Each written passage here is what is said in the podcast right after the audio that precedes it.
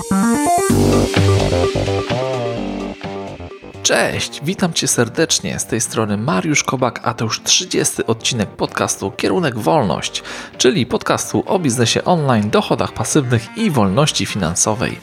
Dziś moim gościem jest Agata Chmielewska, która zawodowo zajmuje się szeroko pojętym e-commerce.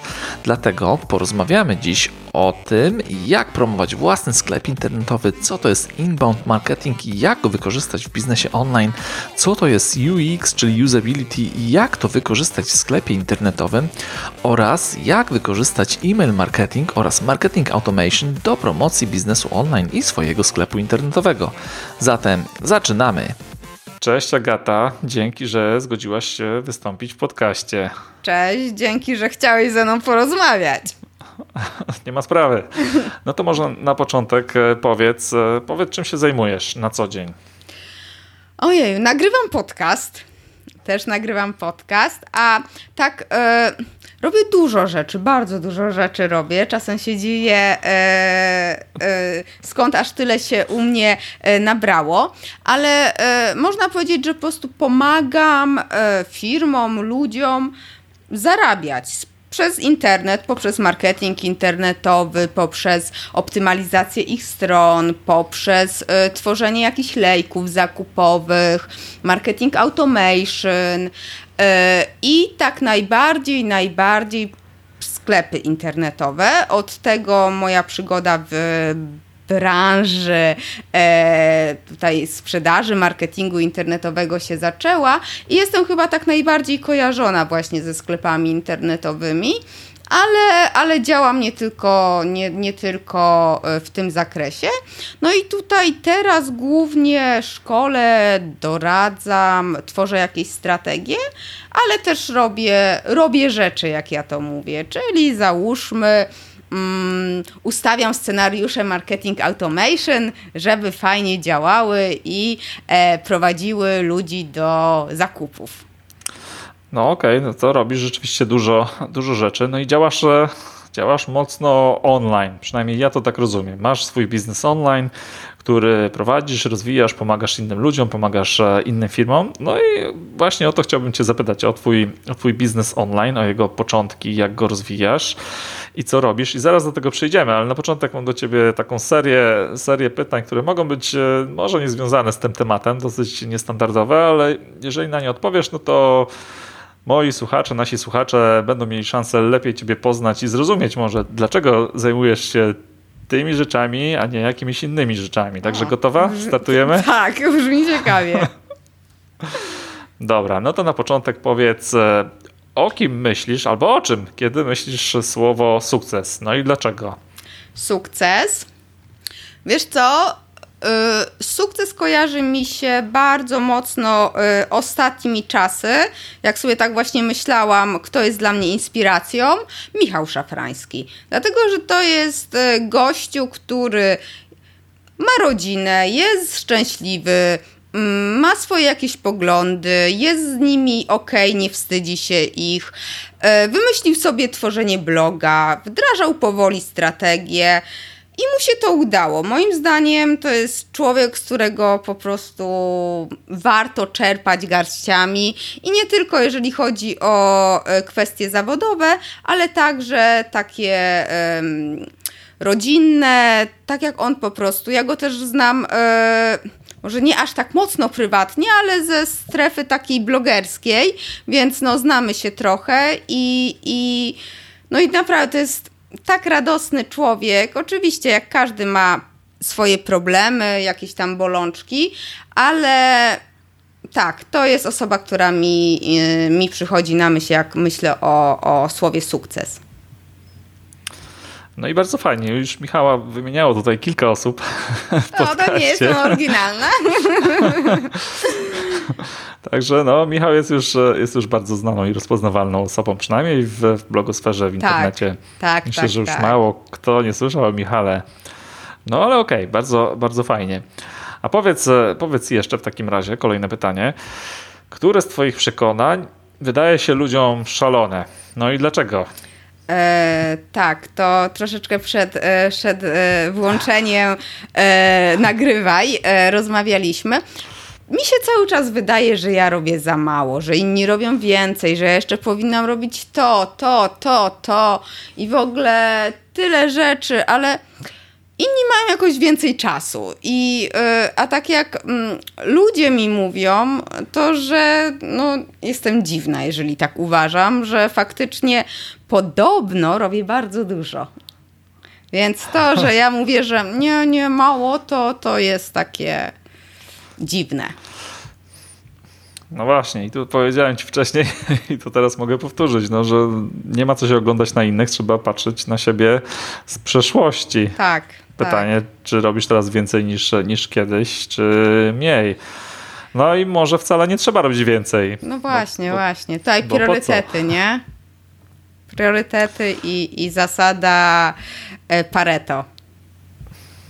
Tak, tak. Chociaż ta reguła chyba nie? Nigdy formalnie nie powstała. tak? Ale, ale okej, okay, ale okej, okay. to może to już, e, to już jakby inna, inna kwestia. Zostawmy, zostawmy Pareto. Dobra. I przejdźmy do kolejnego pytania. To powiedz, e, w jakiej sprawie zmieniłaś zdanie w przeciągu ostatnich kilku lat? No i oczywiście dlaczego? Czy jest coś takiego? Jest. Jakieś przekonanie. Jest, jest, jest. Ja zawsze e, myślałam i nawet sprawiałam takie wrażenie osoby ekstrawertycznej, osoby, która lubi chodzić na wszelkie wydarzenia, wszelkie meetupy, imprezy blogerskie. No to ja byłam i, i świeciłam, tak? E, byłam, pokazywałam się, chodziłam. E, no musiałam być. Nie mogłam ominąć żadnej imprezy. I tak naprawdę e, chodziłam na to i się chowałam gdzieś w, kącie. E, tak jakoś nie czułam się okej okay, i niby byłam, niby radosna, niby tutaj dowcipna, e, szalona, ale dopiero jak od jakiegoś czasu, jak sobie powiedziałam, ej, to nie jest tak, że ty tak lubisz, e, nie musisz wszędzie być, to zaczęłam czuć się ok ze sobą. I wyszło na to, że ja jednak taka nie jestem bardzo e, imprezowa, eventowa i, e, i bardziej jestem taka cicha, introwertyczna. I może e, mniej teraz ludzi znam, znaczy tych, których poznałam, oczywiście znam, ale jest mi fajniej ze sobą mm, w życiu, więc e, to jest taka duża zmiana e, we mnie i, i w moim właśnie też podejściu do, do życia. Okej, okay. czyli jesteś introwertykiem. Tak. Jednym słowem. Tak, tak, tak. Tak jak Michał Szafrański. No. No i ja również. No myślę, że wielu podcasterów jest introwertykami. Tak. Także taka dziwna, dziwna zależność. Mm, no okej. Okay. No dobrze, a zrobiłaś sobie jakiś test osobowości, żeby to sprawdzić, czy po prostu do tego doszłaś naturalnie? Wiesz co, nie. Naturalnie robiłam jedynie test Galupa. Eee, I tam faktycznie mam takie spokojniejsze, zgodność, indywidualizacja, dyscyplina, kontekst, a e, z tego, tego tam 16 typów osobowości czy coś takiego, to jestem obrońcą. E, ale innego testu nie, nie robiłam. A ja jestem INFP z tego testu 16 typów osobowości. Jest?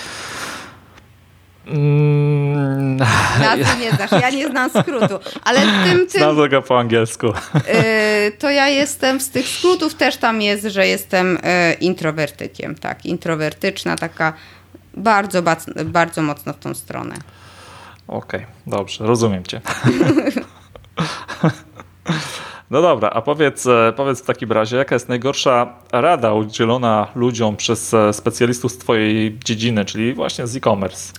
że sprzedaż internetowa jest super e, prosta, e, promocja w internecie, zwłaszcza na Facebooku, jest za darmo i teraz można otworzyć sklep internetowy tak i kasa idzie też tak, a to tak wcale nie jest, e, dlatego ja nie mam sklepu internetowego. Bo to, żeby faktycznie e, działało fajnie i się rozwijało, to jednak troszeczkę trzeba mieć budżetu na to i czasu, i, i wiedzy, no a głównie kasa. No niestety. Czyli jednak szef bez butów chodzi bez sklepu. Świadomie, świadomie. Wszystko jest świadome. No ja, ja nie wchodzę tam, ja się nie, nie wkopię w sprzedaż internetową. Jako, jako osoba, która nie chce, ja jestem osobą, która nie chce budować e, firmy mm, z zespołem ludzi. Bo ja się nie czuję do zarządzania, żeby, żeby tworzyć i rozwijać ją. A bez e, pomocy innych, bez zespołu, sklep internetowy no, nie, nie rozhula się, niestety. No dlatego potrzebujesz wspólnika. pomyśl, o, tak. pomyśl o tym. To też, to też może być. No dobrze, a powiedz jeszcze, dlaczego ludzie mówią na ciebie kurczak? To... Czy kurczak powstał wcześniej niż, niż e-commerce? Czy... co, kurczak powstał... czy później? Nie, kurczak powstał jak miałam 7 lat. Kolega mnie tak zaczął nazywać. E, przez całą podstawówkę taką miałam ksywę. Jak się nauczyli, y, uczyliśmy angielskiego, zaczęliśmy uczyć się angielskiego, to y, awansowałam na chickena. E, tak, na studiach była bajka Kurczak Mały. I nie wiem dlaczego, inne miasto, 400 kilometrów i ja się nagle stałam kurczakiem małym. I jak przyszło do y, tworzenia loga mm, na, y, na mój blog, bo miałam blog kulinarny, w sumie jeszcze mam, tylko na razie, na razie no, jest zawieszony, jego działalność jest zawieszona, e, to tak mówię, co się ze mną kojarzy, co się ze mną kojarzy. No i się zaczął i kurczak i tak już zostało i wyobraź sobie, że tak, ludzie nawet już. Yy, ja mam nawet tatuaż z kurczakiem. Eee, no. tak. To pokaż. To nie wiem, czy będzie widać. Mm. Nie, nie będzie widać chyba. Tu mam na, na ręce, ale z loga. Z loga mojego e, bloga, więc jest taki ładny kurczak. Mm, ale e, w firmach, w klienci już mnie kojarzą jako kurczak i to jest jak, jak, dziwne to słowo jest kurczak, takie mało poważne, ale, ale dla mnie jest, ja już się zżyłam i faktycznie e, tak, ja dostaję prezenty z kurczakiem, ludzie mi podsyłają różne zdjęcia, jakieś e, śmieszne rzeczy z AliExpress z kurczakiem. Ja już ten kurczak już jest e, ze mną i, i, i to jest troszeczkę coś, co mnie wyróżnia. No to okej, okay, bo rzeczywiście no to chyba fajna strategia na budowanie marki osobistej, no i jestem pod wrażeniem tatuażu. Widać, że no identyfikujesz się z tym już e, na zawsze. Na zawsze, tak, na zawsze. Wiesz, zawsze mogę powiedzieć, to, to akurat ma taki kształt po prostu ptaka jakiegoś, więc zawsze mogę powiedzieć, że to jest po prostu lubi ptak, ptaszek taki, wolność, swoboda. O, wolność, tak. tak. Bardzo to lubię. Kierunek wolność, ja, to się ja wszystko zgadza. Tak. No widzisz. No dobrze, no dobrze. No i stąd i tym sposobem przechodzimy płynnie do kolejnego pytania, które jest trochę związane z wolnością. No właśnie, bo Biznes online kojarzy się między innymi właśnie z wolnością, że można go prowadzić z każdego miejsca na ziemi i rzeczywiście on może, może dawać takie dochody, żeby, żeby pracować dużo albo wcale nie, albo mało właśnie i może przynosić jakieś dochody. Mam tutaj na myśli dochody pasywne, czyli tak. coś takiego, że nie poświęcamy na to dużo czasu, a jednak te nasze dochody wkładają nam pieniądze do kieszeni systematycznie, tak? I to w uproszczeniu chodzi mi o takie dochody pasywne. I pytanie do ciebie jest takie, czy właśnie otwierając swój biznes online miałaś tutaj w tyle głowy jakieś, e, jakieś dochody pasywne, że jednak stworzysz dzięki temu biznesowi online dochody pasywne i gdzieś to będzie takie twoje jedno ze źródełek dochodu, czy nie masz, e, nie masz e, takich przemyśleń. Mam, mam, tylko czas. Wiesz co, e, tak, chcę zrobić kurs, kurs online dotyczący marketing automation.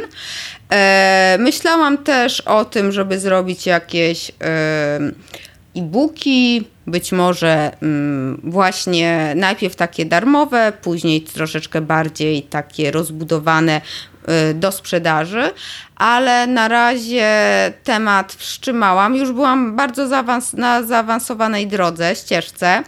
E, I już nawet byłam przy tworzeniu scenariuszy tych kursów, ale uświadomiłam sobie, że to nie jest ten czas e, pod kątem mm, ilości czasu, jaką dysponuję, e, bo zaangażowałam się w taki dłuższy i bardzo czasochłonny projekt przez półtora roku.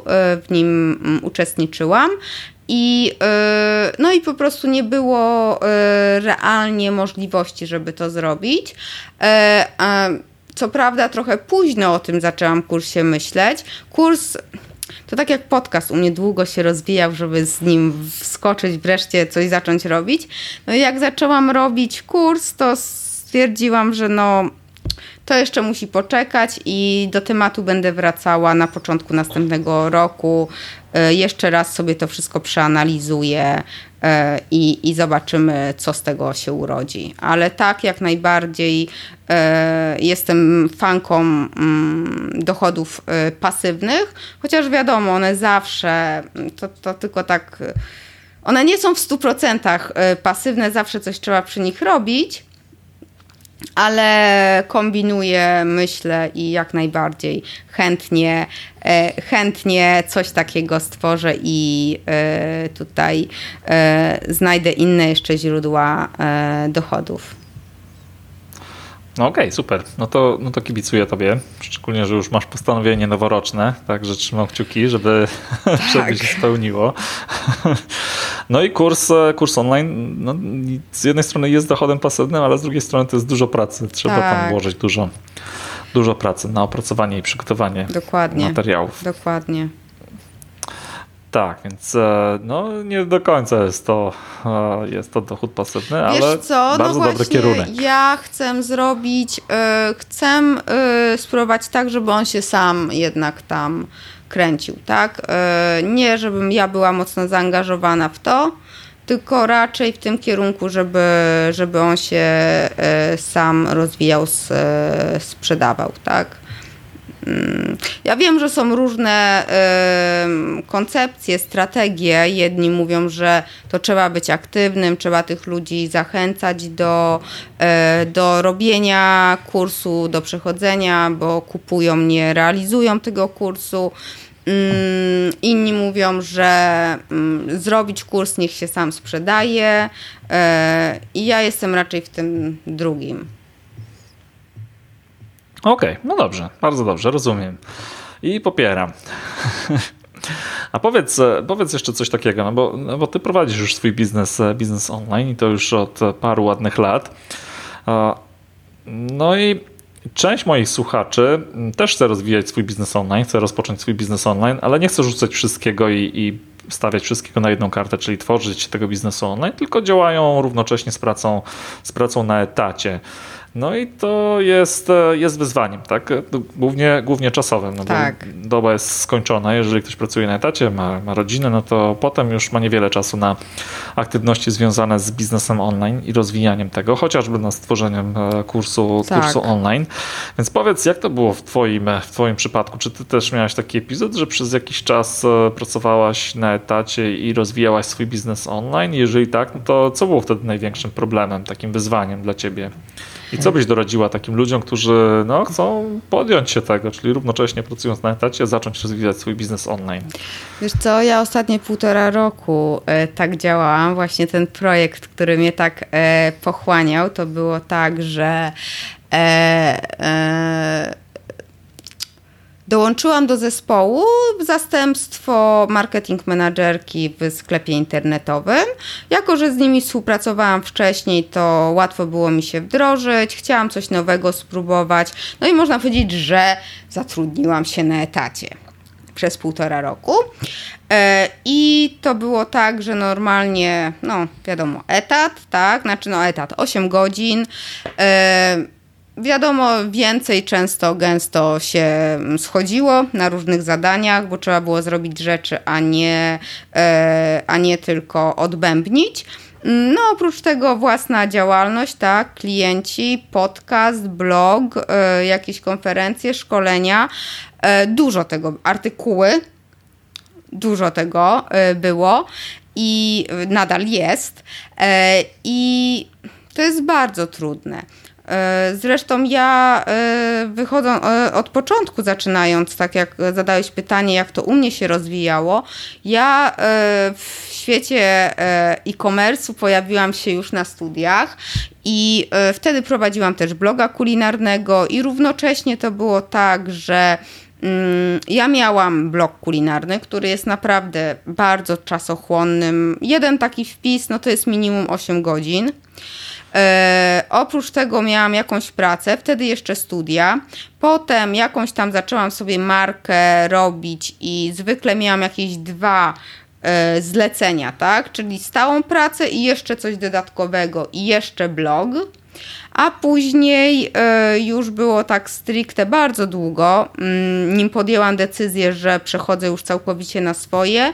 Miałam tak, że miałam e, etat i miałam e, swoje zlecenia i jak ja to łączyłam, no no co, no. Robiłam rzeczy, tak? Weekendów nie miałam, po prostu, no. I to tak było, że bardzo często e, szłam do znajomych z komputerem i obrabiałam, e, siedząc z nimi, rozmawiając, obrabiałam zdjęcia na bloga kulinarnego. Nie polecam tego, absolutnie nie. E, I jeżeli mam. Ale mogłaś gotować dla znajomych. Tak, to było tak, tak, tak. Teraz to jest taki problem, że. Bo wstrzymałam się z blogowaniem kulinarnym dwa lata temu. Mm, I teraz mi się nie chce gotować. To jest najlepsze, że już teraz jak znajomi mają do mnie przyjść, to jest horror dla mnie i kombinuję jak tutaj zrobić yy, najszybciej coś. Ciasta kupuję, nie, nie piekę, bo bardzo lubiłam piec, więc yy, tak, to było, to było dobre. Ale co bym poradziła? Poradziłabym to, żeby faktycznie zastanowić się, co jest dla nas najważniejsze, czy to, co robimy teraz, jest na pewno tym, co chcemy robić. E, I jak tylko e, będzie można przejść e, na, na własne, spróbować, to podjąć to ryzyko, bo zawsze można wrócić na etat i zbudować sobie tą jakąś tą słynną poduszkę bezpieczeństwa, spróbować i spróbować po prostu. E, no właśnie, nie bać się i działać. Tak, wiesz co, podam na takim przykładzie. Ja e, dawno temu już, e, jakiś czas temu, w kilka dni podjęłam decyzję, że rzucam wszystko w Warszawie. E, przeprowadzam się do Wrocławia, do Nowe Miasto, mm, zero tam jakichś, no nie wiem, rodziny, jakichś takich mocniejszych e, przyjaźni, nowa firma, w ogóle nieznany świat. Sama znalazłam sobie transport, przetransportowałam się z pomocą tutaj kolega ze mną z Warszawy jechał, pomagał mi przenosić rzeczy. I co? I po ośmiu miesiącach wróciłam do Warszawy, bo stwierdziłam, że nie, to jednak nie to. I tak się zdarzyło, że akurat wróciłam z tym samym pa panem, który mnie wywoził do Wrocławia, do tego samego mieszkania do wynajmu, bo na mnie czekało. Warto podejmować no ryzyko, bo to, czego się nauczyłam tam, to nikt mi tego nie zabierze. No właśnie, no to okej, okay, no fajne doświadczenie. Czyli tak jak mówisz, no trzeba, trzeba po prostu podejmować tak. ryzyko i nie bać się i no zawsze można wrócić do tego, co, co, co było tak. kiedyś, tak. tak? Chociażby do tej pracy na etacie w takiej czy innej firmie. Tak, a, dokładnie. A no myślę, że warto tak robić nowe rzeczy i sprawdzać co tam mogłoby nam sprawiać radość. Ale z tym blogiem kulinarnym to rozumiem, że no, było hobby i się skończyło. Po prostu hmm. się się wypaliło. Wiesz co, nie, to nie, nie było tak, że się wypaliło, bo ten blog był całkiem fajny. On, yy, no miał 200 tysięcy unikalnych miesięcznie, więc to nie był może największy blog, to nie jest kwestia smaku czy, czy coś z tych wielkich blogów kulinarnych, ale też nie był najmniejszy. Jakieś tam y, dochody z tego były, tak, coś tam się zarobiło, z AdSense'ów też fajna kaska wpadała, e, no ale w pewnym momencie to po przeczytaniu książki Esencjalista, ja tak sobie tak zobaczyłam, mówię, kurde, ja idę cały czas dwoma ścieżkami i w żadnej nie jestem tak dobra, jakbym chciała. I nigdy nie będę, bo po prostu nie mam czasu. Jak zabieram, jak chcę coś gdzieś się tutaj poprawić, to zabieram czas z tej drugiej mojej działki. I musiałam sobie po prostu siadłam, przeanalizowałam, w którym kierunku chcę się rozwijać, czym chcę być kojarzona, co mi daje e, najwięcej możliwości, tak? Co jest najbardziej przyszłościowe. No i wyszedł to, wyszło to, że marketing internetowy i e-commerce, blog cały czas jest, cały czas sobie myślę, że do niego wrócę. Cały czas faktury Google'owi wystawiam za AdSense'y. Co prawda... E, Czyli dochody pasywne tak, są. no jakieś tam no, na waciki jest.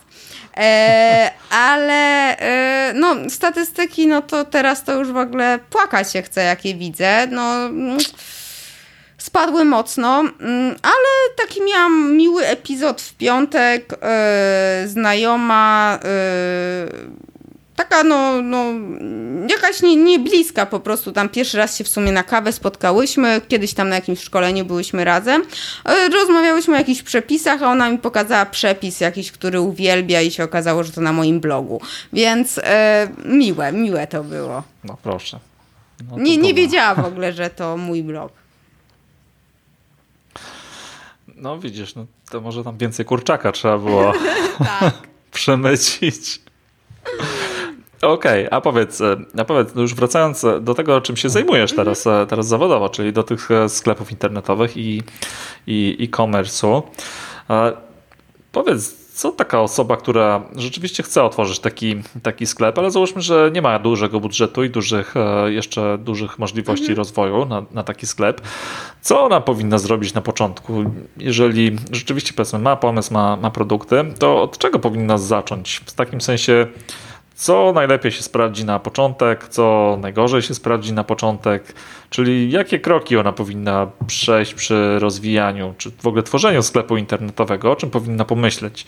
No i, no i co jest takiego najlepszego na, na początek? Co trzeba zrobić w pierwszej kolejności, żeby ten sklep był od razu opłacalny od samego początku? Mhm.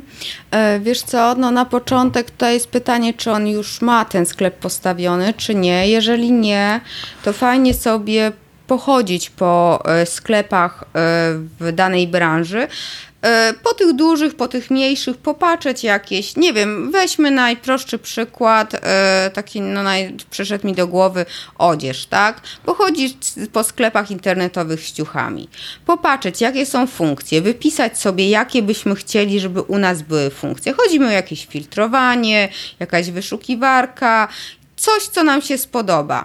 Zakładam, że nie jesteśmy jakimiś wielkimi specjalistami, tak, więc niekoniecznie myślimy o tym, co y, ma uzasadnienie, ile co kosztuje. Po prostu wypisać sobie, co się nam podoba, przejrzeć te naj, naj, Y, przejrzeć sobie y, platformy, które udostępniają oprogramowanie dla sklepów internetowych, bo mm, na początek ja y, nie radzę tworzenia od podstaw swojego sklepu. Ewentualnie można na WordPressie, jeżeli faktycznie mamy jakiś mm, specyficzny, specyficzny produkt, który wymaga jakiejś funkcjonalności tylko dla tego produktu i on nie jest taki defaultowy w tych e, e, sklepach z pudełek. E, I co? I WordPress WooCommerce, tak? To tutaj zamiennie. I sobie zobaczyć, który będzie nam najlepiej pasować, tak?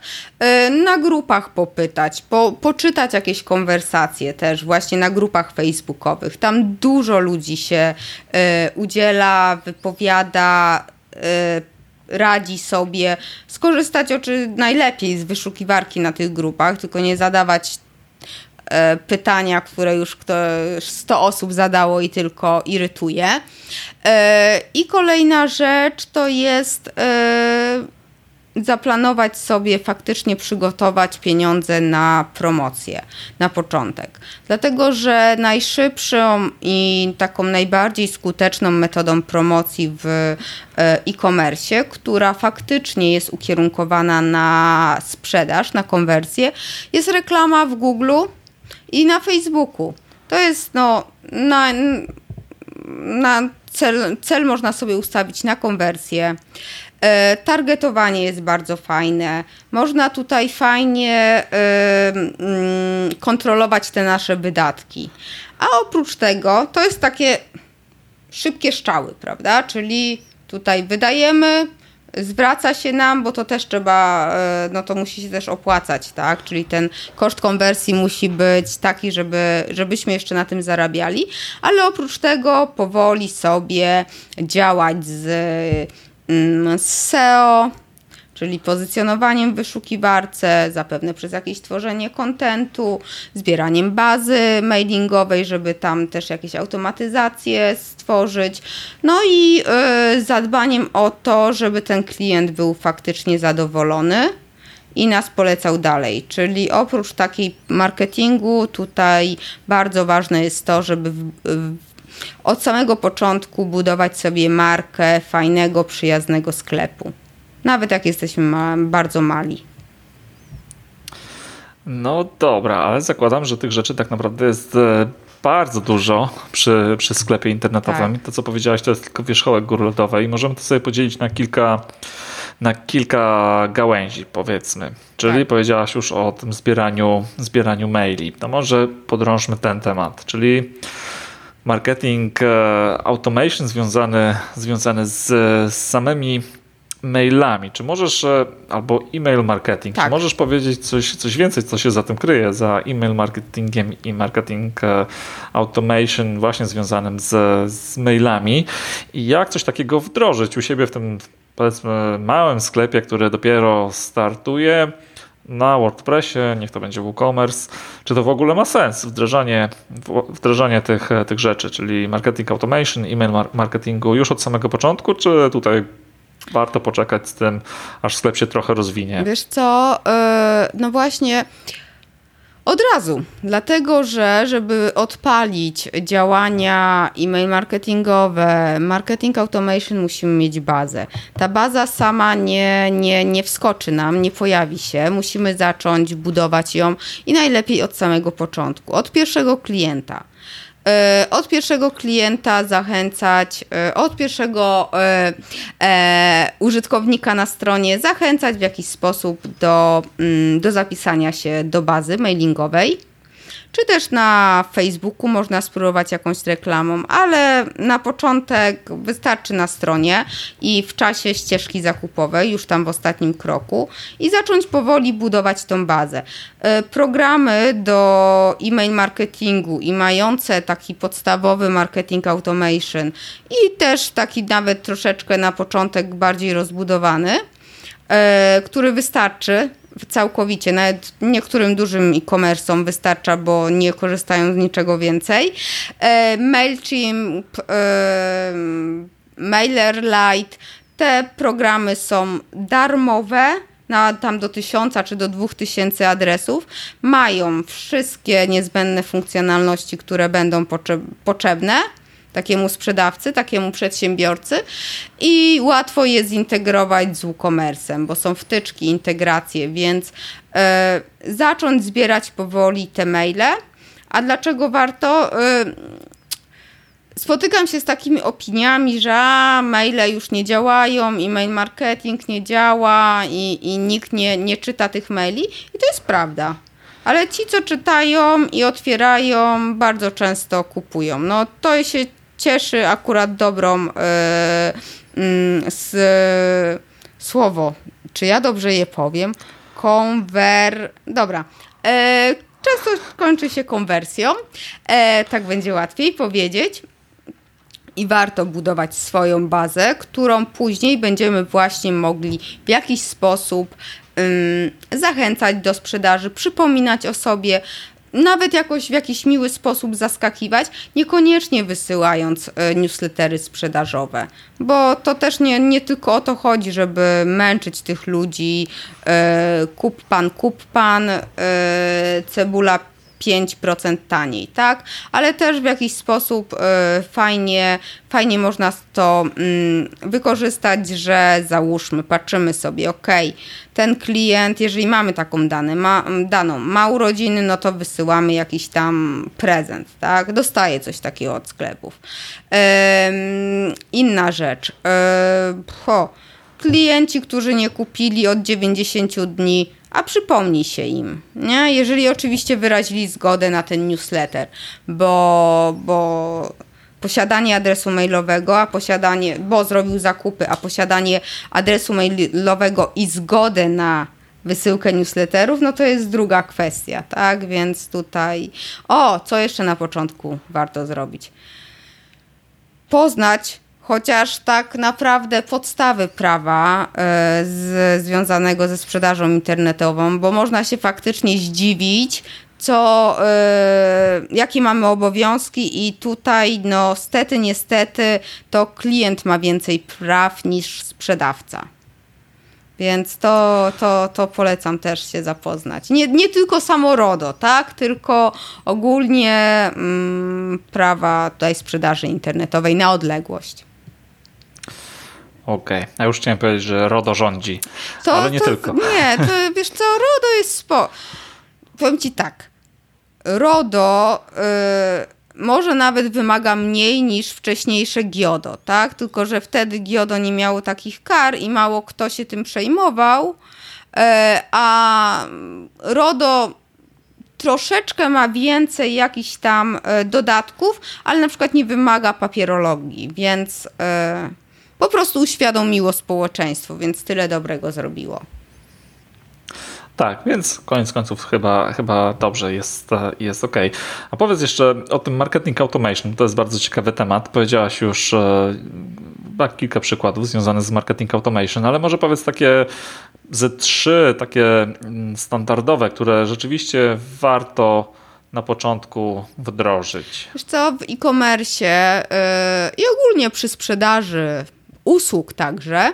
Najbardziej popularnym jest tak zwany porzucony koszyk, bo e, no niestety zmorą e, ludzi sprzedających coś, nawet kursy, przedmioty, mających sklepy, jakieś kursy, jakieś usługi, jest porzucanie koszyka. Czyli wrzucamy coś do koszyka, już tutaj prawie finalizacja transakcji, a bach, idziemy sobie, tak, albo nas rozłączyło, albo zrezygnowaliśmy, albo ktoś nas odciągnął, albo wszedł szef do pokoju i nie dokończyliśmy zakupów.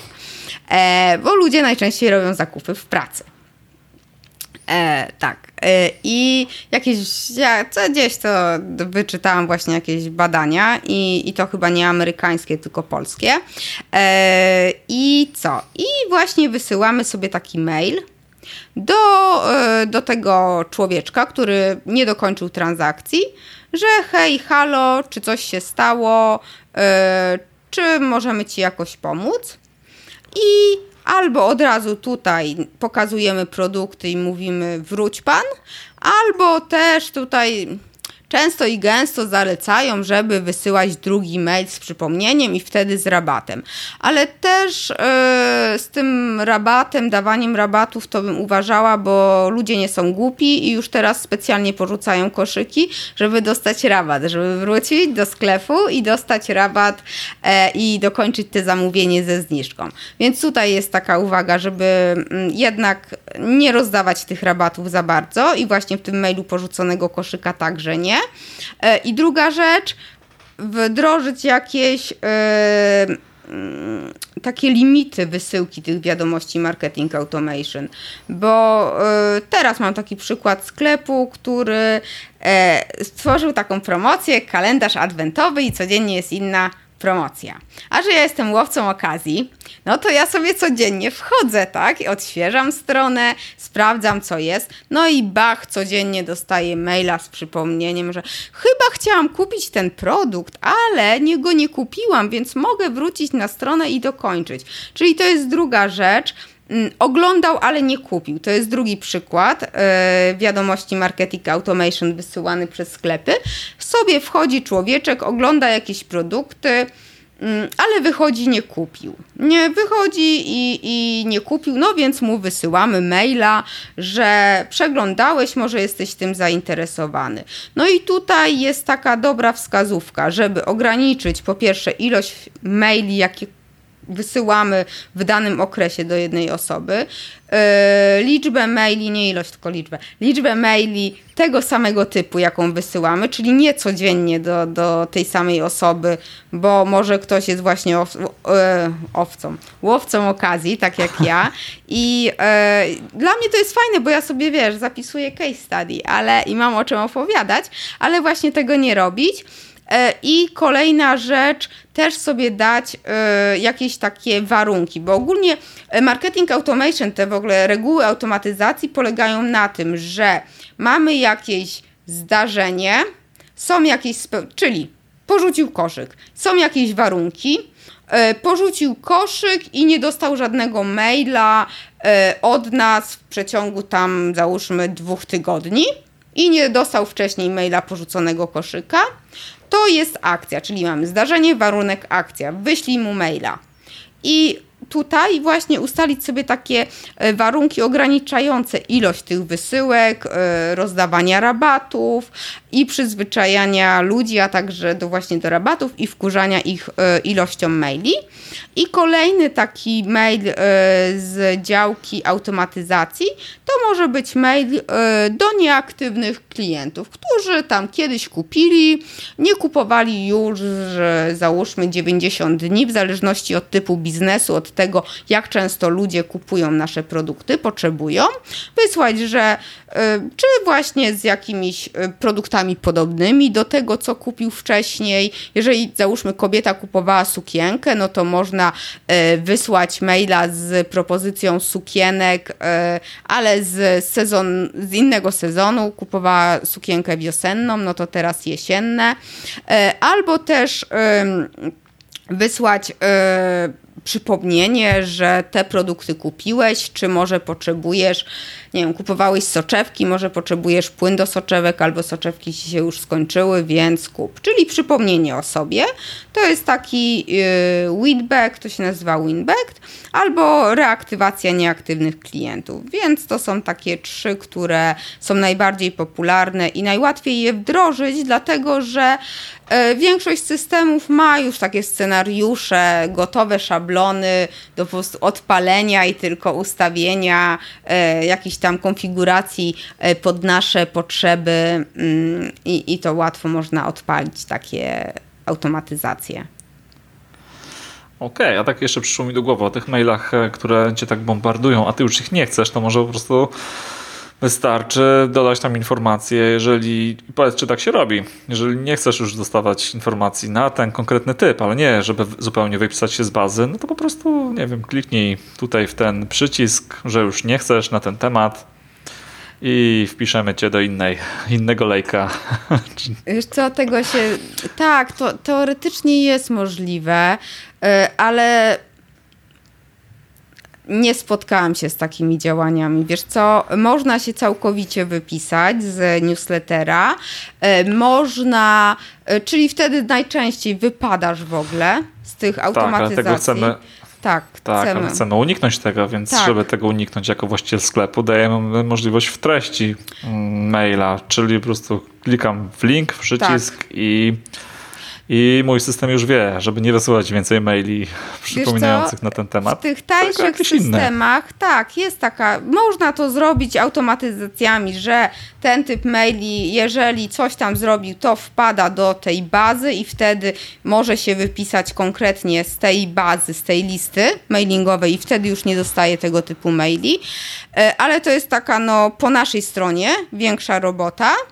E, a systemy, które mogłyby to zapewnić, to podejrzewam, że są bardzo drogie. I to już jest, bo to jest tak, że są tanie, tanie, tanie te systemy do marketing automation, a później hop i dużo, dużo, dużo kasy. Okej, okay. a przyszło mi jeszcze do głowy coś takiego i powiedz może, e, czy coś takiego jest w tych e, tanich albo tych drogich systemach, że wysyłamy te maile i rzeczywiście ktoś, ktoś nie kupił produktu, ale, ale miał taką, taką potrzebę albo chęć, ale rzeczywiście nie kupił, więc uruchamiało automatycznie reklamę na Facebooku takiej osobie. Tak. Tak, tak, tak. To można zrobić już samym Facebookiem, e, pikselem konwersji na Facebooku. Tam też jest coś takiego, że e, ustawiamy cel konwersja do tych, którzy załóżmy byli na stronie koszyka, którzy nie kupili, e, którzy odwiedzili konkretne produkty, którzy byli na stronie w x czasu, e, którzy byli na, e, którzy są podobni do tych, co byli na stronie, którzy są podobni do tych, których mamy w bazie mailingowej, więc tak, jest taka możliwość. No dobra, super. A powiedz e, coś takiego, bo dla mnie sklep internetowy, no no, żeby działał, musi, musi mieć ruch, tak? czyli muszą przychodzić e, ciągle nowe, nowe osoby, musimy zdobywać, e, zdobywać ruch.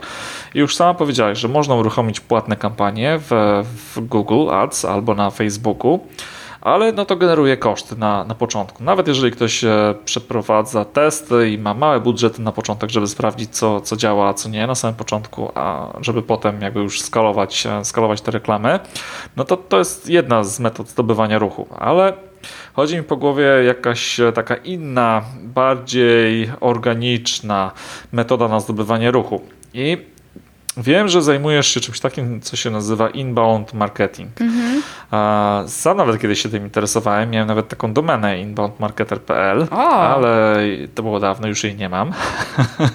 także, także nie poszedłem w tym kierunku, ale, ale interesuje mnie, mnie ten temat, więc jeżeli mogłobyś powiedzieć, co to jest ten inbound marketing i jak go wykorzystać, żeby, no, żeby pozyskiwać ruch e, w sklepie internetowym, a nawet nie tylko w sklepie internetowym, generalnie powiedzmy w biznesie online jak to robić e, małym kosztem. Wiesz co, no właśnie, jak zrobić, jak przyciągnąć dużo ludzi małym kosztem? To jest właśnie największy problem. E... Okej, okay, to niech to nie będzie mały koszt, ale generalnie jak zrobić dobrze inbound marketing, tak, żeby on działał, czyli Jasne. żeby przyciągnął a, ludzi. Jasne, wiesz co, inbound marketing to jest taki marketing, y, który my robimy wszystko, żeby ludzie sami do nas przychodzili. I to jest najczęściej bardzo mm, Często jest to, e, porówny, jest to porównywane, a często uważane za tożsame z content marketingiem, czyli tworzeniem treści, treści, które e, rozwiązują jakiś problem, edukują, e, pokazują coś nowego, są po prostu atrakcyjne i które wspierają także pozycjonowanie w Google. I to jest pierwszy taki, i to jest właśnie ten cały inbound, yy, to jest też yy, content marketing i to się tak bardzo mocno zazębia. I to są działania, które faktycznie yy, są super, przyciągają ruch, przyciągają ludzi, którzy faktycznie są zainteresowani, którzy mogą zostać z nami na dłużej E, niekoniecznie dzisiaj kupią, ale może za jakiś czas kupią, bo na razie jesteśmy na etapie y, tworzenia zasięgów, budowania y, ruchu na stronie, który dopiero w późniejszym etapie będziemy konwertować, bo to jednak ten lejek musi mieć jakieś, ma swoje etapy, tak? Dopiero teraz budujemy zaufanie z tym odbiorcą i to właśnie głównie odbywa się poprzez angażowanie w social mediach, a tworzenie jakichś ciekawych, wartość, wartościowych, nie lubię tego słowa, ale ciekawych, jakichś pomocnych, mm, rozwiązujących problemy treści. E, co jeszcze? To jest też to może nie musi być tylko edukacja, to może być fajna rozrywka, tak? Teraz social media, e, Insta Stories, Instagram, YouTube. Może fajnie e, zbudować fajny ruch, E, dotrzeć do fajnej grupy odbiorców, naszych odbiorców, w zależności właśnie kto, kto jest nim. No, do młodszej grupy możemy działaniami na YouTubie, TikToku budować jakąś tą markę i oni wtedy mogą nas kojarzyć, tak? I przejść. No na TikToku raczej tam chyba, mm, dobra, nie mam TikToka, więc nie wiem. E, nie, no muszę się przyznać, nie mam. Ale załóżmy na Facebooku, jeżeli mamy taką grupę, że możemy stworzyć, nie wiem, sprzedajemy żywność ekologiczną. Być może to jest jakiś tak temat, żeby stworzyć grupę na Facebooku, angażować ich, yy, edukować, budować tą markę, tylko że to jest wszystko czasochłonne. I zwykle e-commerce na to nie mają czasu, yy, pieniędzy, bo to też jest yy, kosztowne, więc dlatego ja wyszłam od tej płatnej reklamy. Inbound marketing jak najbardziej, tylko że to jest równolegle i przygotować się na to, że to będzie super działało, ale troszeczkę to będzie odroczone w czasie, bo ten inbound, content, e, tworzenie jakichś treści, e, angażowanie, budowanie e, wizerunku, tak, rozpoznawalności, to jest świetne, bo to uzupełnia inne, to po prostu spaja inne działania nasze, bo i daje, tworzymy jakiś content, artykuły, cokolwiek, mamy od razu treści na social media do udostępniania, możemy to fajnie przerobić na jakiś filmik na YouTube'a. Ym, tutaj mamy treści fajne do newslettera, tak? Ale także pod SEO, tak? Pod pozycjonowanie w Google. Teraz wchodzi ten już się mówi, ciekawe ile lat będzie się o tym mówiło, e, tak jak mówimy o rok mobila, mm, to teraz e, wyszukiwanie głosowe, tak? Więc tutaj te frazy długiego ogona, to się w ogóle wszystko zmieni, więc tutaj jak najbardziej jeszcze tworzenie treści będzie bardzo, bardzo przydatne, tylko że to jest czasochłonne. No, dokładnie. Czyli co? Czyli trzeba pisać blog, tworzyć podcast, pod tak, wyszukiwanie głosowe. Tak, tak, tak. tak. Oczywiście wideo tak, tak samo. Tak, no. Okej. Okay. Najlepiej, nie? Najlepiej by było. Ale tak jak, tak, ale tak jak powiedziałaś, największe wyzwanie jest e, w czasie. Tak? tak. To wszystko zajmuje czas, więc trzeba się nastawić na, no, na ciężką pracę po, po prostu. Więc e, tak, no, tak, trzeba tak. spędzić spędzić sporo, sporo czasu, żeby to rzeczywiście działało. Albo mieć e, budżety na to, żeby zlecić to tak. komuś, e, komuś innemu, jeżeli chodzi o, o, sklep internetowy. Tak. Przynajmniej tak to sobie wyobrażam. Tak, tak, tak, tak, tak to się odbywa. E, faktycznie pracuję z klientami, którzy tworzą strategię, wspólnie tworzymy strategię, a później szukamy możliwości, jak je zrealizować i bardzo często po prostu są zlecane artykuły na zewnątrz. Okej, okay. to może powinniśmy zamiast zachęcać do tworzenia sklepu internetowego, powinniśmy paradoksalnie zniechęcić część, część osób, którym się wydaje, że rzeczywiście to jest proste, łatwe i przyjemne.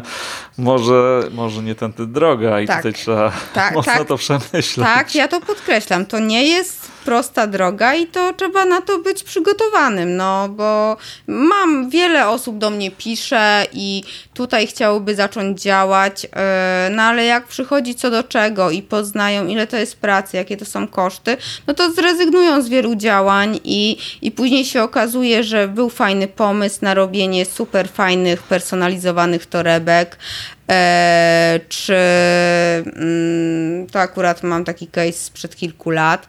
E, I tak, ale one się sprzedawały tylko i wyłącznie, mimo sklepu internetowego, tylko na wydarzeniach takich offline'owych, czyli jakieś targi, e, jakieś tam, nie wiem, wydarzenia związane z ręcznie robionymi produktami bo po prostu na reklamę internetową no, nie było możliwości no, takiej, wiesz, no po prostu nie było kasy po prostu na to i tyle. No okej, okay. no okej, okay. no rozumiem. Tak się, tak się czasami zdarza. A powiedz, jeszcze chodzi mi po głowie taka jedna rzecz związana ze sklepami internetowymi, bo żeby one dobrze działały, muszą być intuicyjne, przyjazne dla użytkowników, czyli ten e, usability albo user experience tak. E, musi być, e, czy musi, warto by było, żeby był dobrze zoptymalizowany, ale jeżeli startujemy z jakimś małym sklepem, tak, i nie piszemy wszystkiego od zera, to już ustaliliśmy, że to się tak. nie opłaca, czyli wykorzystujemy jakąś gotową platformę, jak to będzie WooCommerce albo jakąś inną platformę, Shoplo, PrestaShop, cokolwiek innego, co jest, co jest po prostu już gotową platformą. Czy tam my, jako właściciele takich sklepów internetowych, jesteśmy coś w stanie zrobić, jeżeli chodzi o user experience? Jesteśmy coś w stanie ulepszyć, usprawnić? Na podstawie tego, oczywiście, jak, jak nasi użytkownicy, czyli jak nasi potencjalni klienci, w jaki sposób wchodzą w interakcję z takim sklepem, bo zakładam, że nawet jeżeli to jest e, jeden szablon, no to jeżeli mamy różne produkty, różnie porozmieszczane na stronie, no to ta interakcja może być trochę inna w stosunku do innych sklepów. To co my jako tacy właściciele sklepów internetowych możemy zrobić? Mhm. E, pod kątem user experience. Jak to badać? Jak do tego podejść? Mhm. I czy warto? Yy, tak, warto, to zawsze warto.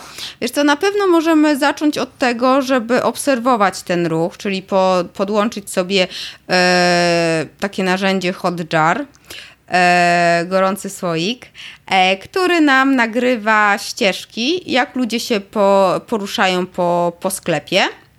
I wtedy zobaczymy, gdzie najwięcej czasu, z czym spędzają, z czym mają trudności. Na przykład może się okazać, że y, coś w koszyku, wybór dostawy nie działa, albo y, załóżmy, no co, zdjęcia próbują powiększyć, a to się nie powiększa.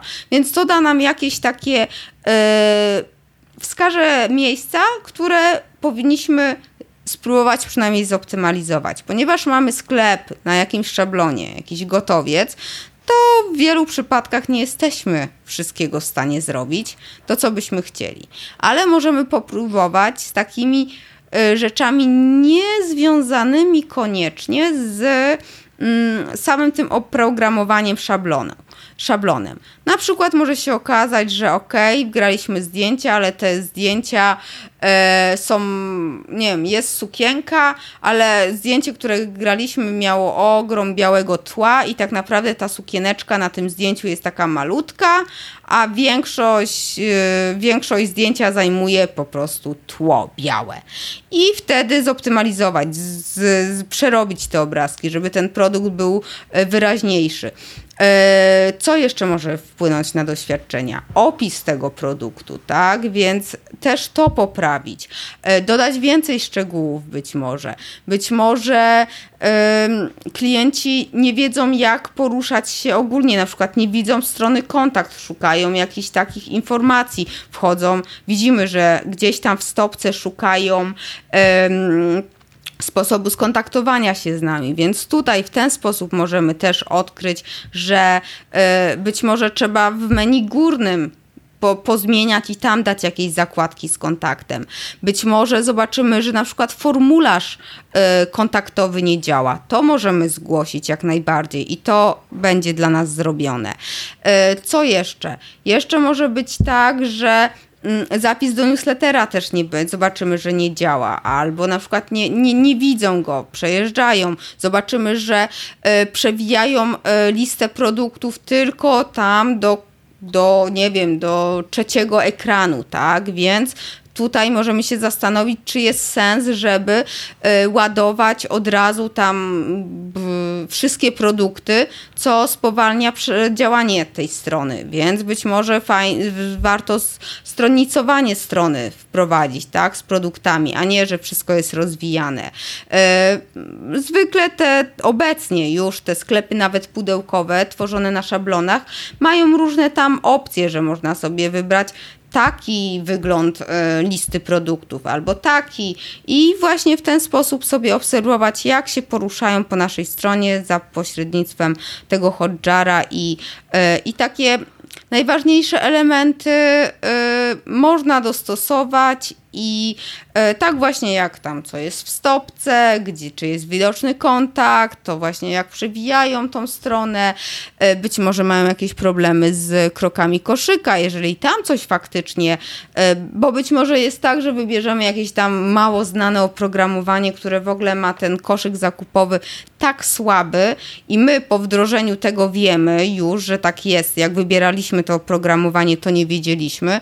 Być może trzeba zmienić to oprogramowanie. Akurat na tym, na tym samym początku, kiedy mamy, dopiero zaczynamy, yy, przejście na inną platformę e-commerce'ową nie jest trudne, więc, yy, więc od samego początku warto sobie już no może nie od samego początku, bo jak mamy tam pięciu klientów, to jeszcze nie, nie ma na czym działać, ale jak już tam się zaczynają jakieś takie częstsze sprzedaże i ruch, to fajnie, fajnie zacząć obserwować sobie, jak ci klienci poruszają się, a także prosić znajomych jakichś, żeby zrobili zakupy i powiedzieli, co im nie pasuje, bo sami bardzo często nie zauważamy.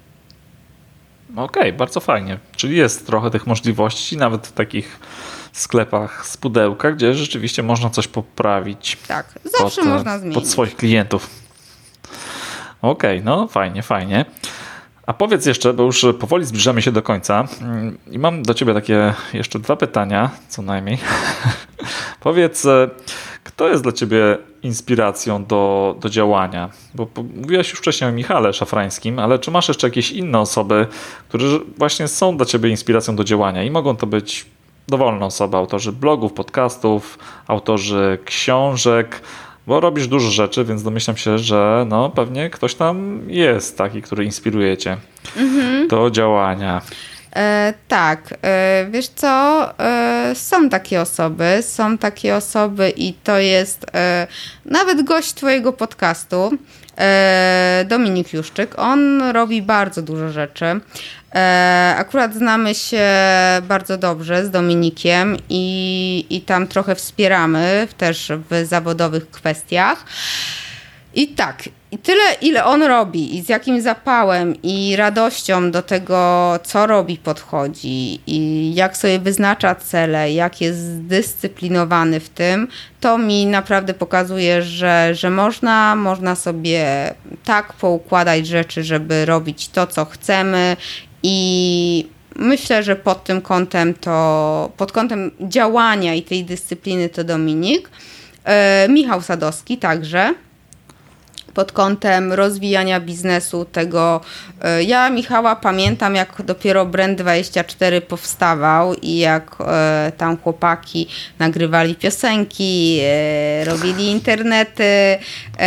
Tak, to ja Michała pamiętam jeszcze z tego czasu, kiedy, kiedy nie było jeszcze tak pięknie. Mm, I, i obserwując to, jak, e, ile on robi, jak rozwija, jak jest zaangażowany w promocję, edukację rynku, e, jak wierzy w swój produkt, a jednocześnie e, te swoje życie prywatne bardzo mocno pielęgnuje, tak? I dzieci, i żona, i jeszcze znajduje czas na rozwijanie pasji, jak fotografia, i jeszcze pomaga, tak? To jest dla mnie taki też przykład Mm, bardzo fajny i nawet w tej gorszej sytuacji, co tam wyszło z tym zablokowaniem na Facebooku, to dla mnie on naprawdę i zdaję sobie sprawę, że dla niego to było trudne i no nie trudno się domyśleć, tak?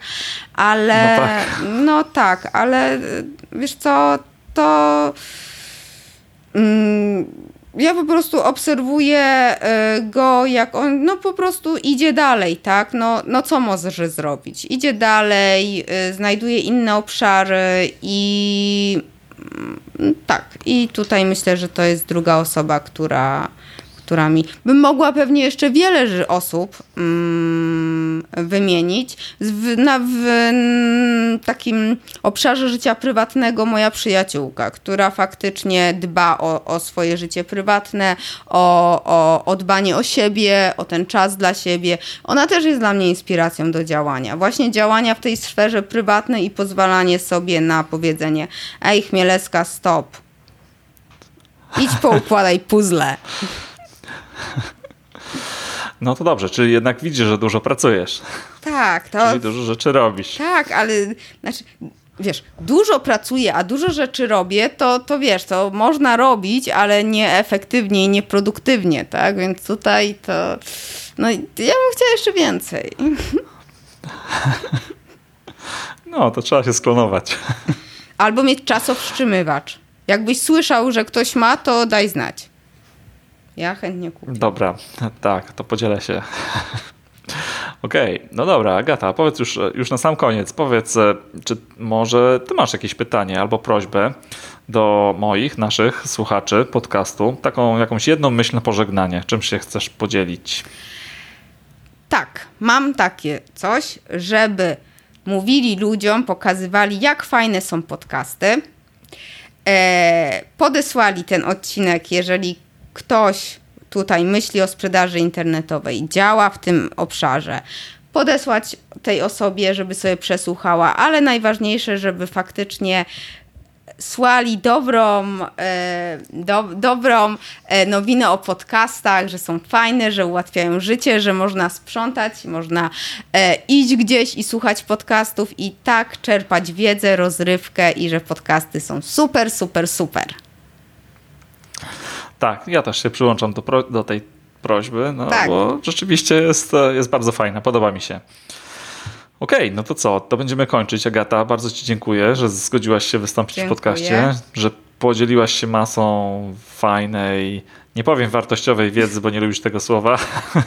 Przydatnej. Ale naprawdę, tak, przydatnej, przydatnej wiedzy dla każdego, kto chciałby spróbować swoją, otworzyć swoją działalność związaną ze sklepem internetowym, ale nie tylko, tak jakby działać w biznesie online. No i myślę, że, że warto spróbować. Jeżeli ktoś jest rzeczywiście tym zainteresowany, no to warto się zdecydować, spróbować i zobaczyć, co z tego wyniknie. Jakby co można się do ciebie zgłosić tak. po więcej, więcej wiedzy i na pewno chętnie pomożesz. Dokładnie, dokładnie.